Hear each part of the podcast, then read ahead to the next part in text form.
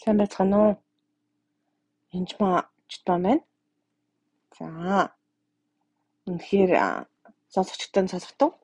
Харин та нарын нүд хардаг тул нүд чинь та нарын чиг сонсох тул чиг чинь өрөөлтөө ёо гэж Матай 13:16-ад Иесус дагалдагчдаа хэлсэн байна. Тэгэхээр үнэхээр Иесусийн дагалдагч байхаа хувьд бидний нүд нь хардаг, чихэн сонсдог байгаасай гэж үнэхээр чин төгсөөр та бүхнийг хүсэж байна. За би дараачийн Матай 13-ийн 24-өөс 30-ыг уншиж өгье. Энэ сургаалт үлгэр надад бас нэгийг бодогдуулдаг үлгэр шүү. Есүс тэдэнд өөр сургаалт зөвлөл айлдрун Тэнгэрийн хаанчлыг талбайдаа сайн үр тарьсан хүнтэй зүүрлэх болох зүүрлэж болох юм. Хүмүүсийн унтаж байхад нь түүний дайсан ирж буудайн дунд зэрлэг үр тарьчаад яваад өгчээ. Төрөө цохууж үр тариа боловсроход зэрлэг өвсч бас илт болов. Гээ эзэн дээр боолууд нь ирж түүнд эзэнтэй та чинь талбайдаа сайн үр тариагүй билүү? Гэтэл зэрлэг өвс ханаас гарчдаг билээ. Гэхэд эзэн тэдэн дайсан үнийг хийжээ гэж боолууд нь тэгвэл бид явж тэдгэрийг зулгааж оолохыг та хүсэх болов гэсэн тэр хэрэггүй. Та нар зэрлэг өвс зулгаах гээд гуудагийн хамттан зулгаачгаж магад. Ургац хураатал хамтдаа ургаг ургац нь хураах цагт би хадах хүмүүстэй эхлээд зэрлэг өвсийн зулгааж боогоод шатаахад бэлэн болох харин буудааг нь цуглуулж амбарт хийцгээ гэж хэлнэ гэв. Тэгэхээр энэ хүн сайн өвс тарж л дээ. Хамралтаа яасан байна. Дайсан ирээд хаа хизээ ирсэн гэж энэ хүмүүсийг унтаж байхад нь буюу мдээгүй байхад нь хүрчээд сим им буруу өвс тарьсан байна. Тэгээд зэрлэг өвс тарьчихсан байна. Тэгээд яг дээшлэх тусмаа тэр нь мэддэг гэсэн үг тавигдсанхаа дараа яг өрн анх доор газар дотор байхдаа бол мэддэхгүй. Нилээ ургац хураах болд мэдчихэлтэй. Тэр энэ үед би нэг хүнээс чөлөөлт чөлөөлт хийдгүү, чөлөөлт мэддэггүй нэг ахлагч байсан. Тэгээд тэгсэн мөртлөө ич үзүүлэг бол асуудаг. Тэгээд хамт ярьдаг бид нар найзууд бас тийм хүмүүстэй. Би ер нь олон хүмүүстэй олон төрлийн итгэгч нартай найзууд өөр өөрийнхөө өмнө сэтгэл өмшил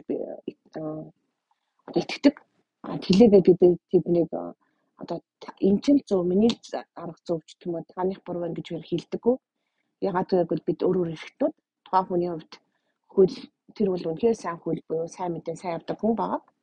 А гэхдээ чөлөөлтөнд дээр бол чөлөө яг шлэг хэлээд харж гэнэ үү биднэрт ингээд муу ус таригдсан биднэрт ийм одоо муу сус байж болох уу болно тэрийг хэлнэ. Гэтэ нэг эцсийн эцтэй эзэн дээр отттой зүг очиж шүүгдэг зөвлөлт болохоор одоо зөвлөж яах юм бэ гэж хилдэг л дээ яг нийслэгээрээ. Би тэгээд би бодохдоо энэ болохоор бүхний дахин эрэлтийн тохоо ярьж боддон гэж боддог. А яад бол чөлөөлт хийх үед нөгөө хүнийг одоо зулгаагаа далчдаг ч юм уу нөгөө нь ямар нас надлаг болчдөг юм зүйл ярьж биш. Эсвэл илүү сайн одоо чөлөөлөгдсөн тэрний санхүүгийн хүлээс чөлөөлөгдсөн тэрийн удмын хараалууд нь янз бүрийн өвчнүүд нь эрт төхлийн сүнсүүд нь гардаг учраас тэр хүн амьдрал илүү сайн сайхан болдог байгаа. Тэгээд эцсийн хүсэл бол тийм байх гэж биддэг. Яг бол Иесус дандаа чөлөөлт хийж байсан. Хэрв энийг одоо дахин эрэлттэй холбоотой байсан бол Иесус чөлөөлтийг хийхгүйсэн. Гэтэл зүгөө би чамайг дээр очиж чөлөөлчих юм чинь одоо чөлөөлөгдөж яах юм бэ та нар гэж хэлээд чөлөөлөхгүй байх байсан. Тэгэхээр Иесус ямар үйлчлэл хийдэг байсан бэ? Бид нэр Иесусийн дагалдагч гэдгээрээс мартаж болохгүй. Тэгэхээр Иесусийн хийдэг зүйлийг л хийн гэсэн үг. А тэглээгээд тэр хүнийг одоо би барьж аваад юу гэж байгаа нь би чөлөөлөе гэж бол хизээж шилдэггүй. Ягаад гэвэл тэр хүн өөрийнхөө хүслийн дагуу явж байгаа гэдэг ерөөсөө мартаж болохгүй яг би би бол ингэж бодож байна гэж тайлбарлахыг олддог. Гэхдээ үнэн түүний чөлөөлдөг байгаа. Тэр үннийг мэдэх буюу библийн ишлэгийг өөрөөр үнээр ойлгож тайлбарлахын хувьд бол маш чухал байгаа шүү. А би болохоор үүнийг юутай зөвлөдөг юм бэ гэвэл Матай 25-ын 31-46 та зөвлөдөг байгаа. Яг бол эзэн хон чанаа ялгаж байгаатай адилхан ялгадаг ба. Хүний хүү алдраа дуусхан бүгд тэнгэр элч нарынхаа хамт ирж өөрийн сүлж авахын цэнтэдээ замрах болно.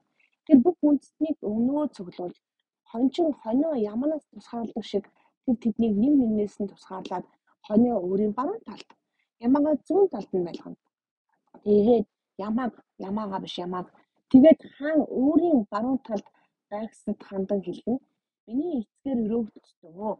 Таныг наашир ертөнцийн сүрээс танах бэлтгэсэн хаанчлыг өглөн авсгаа. Учир нь намайг үзэж байхад та нар надад идэх юм өгсөн. Намайг цангаж байхад уух юм өгсөн. Намайг харь үнд хүн байх байдал урьж оруулсан эцгэн байхад ба намайг хувцсан өвчтөй байх нь намайг эргэж байсан шоронд байхад минь над руу ирсэн билээ гэд зөвхт хүмүүс түн хизээ бид хизээ таныг өсөж байхыг тань хараад хоолож сангаж байхыг тань хараад уух юм өгсөн бэ? Хизээ бид таныг хайр газрыг байхад тань хараад зүрх урьж оруулан өцгөн байхыг тань хараад уцалсан бэ? Хизээ бид таныг өвчтөй байхад нь хараад эргэж шоронд байхыг тань хараад очсон бэ гэж болно. Тэд хаан тэдний үнээр би танарт хэлье. Таны эдгээр ах дүүсийнхаа маань ах дүүсийн маань нэгэнд нь тэр байтугай хамгийн дордт нь тийхүү хандсан бол надад хийсэн хэрэг гэж хэлнэ. Тэгэхэд тэгээд тэр өөрийн зүүн талд байх хандан хараад тастаа надаас зайл. Дивол болон түүний тэнгэлж нарт нь хэлсэн мөнгө галт ор. Учир нь танд намайг үзэж байхад эд хэмээгөөгүй. Цангаж байх чинь уух юм өөгүй. Намайг хар газрах байхад урьж оруулаагүй. Өцгөн байхад минь хуцлаагүй өвчтөй болоод шоронд багт над руу ирээгүй гэж хэлнэ. Тэд мөн эзэнэ эзээ хизээ би таныг өсөж цангаж хай газрын өцгөн өвчтөй шоронд байхыг чинь хараад тэнд өвчтэйгүй бэ гэж танд. Тэр хариуд нь үнээр би танарт хэлье. Та нар эдгээр хамгийн хамгийн доордт нь ийхүү үртэйгэн бол надад чигээгүй хэрэг гэж хэлнэ. Тэд мөнгө шийтгэл харин зөвхт хүмүүс нь мөнгө амьд орох юм гэж ялтлаа. Тэгэхээр та бас сургаал зурлуудыг бас өөрийнхөө тайлбарлаж олдохоосоо илүү Иесус юу гэж тайлбарлах бол гэж сайн бодороо. Тийм учраас заавал ариун сүнстэй уншдаг байгаа шүү. А тэр бол маш чухал шүү. За та бүхэн ариун сүнстэй байх болтугай амин.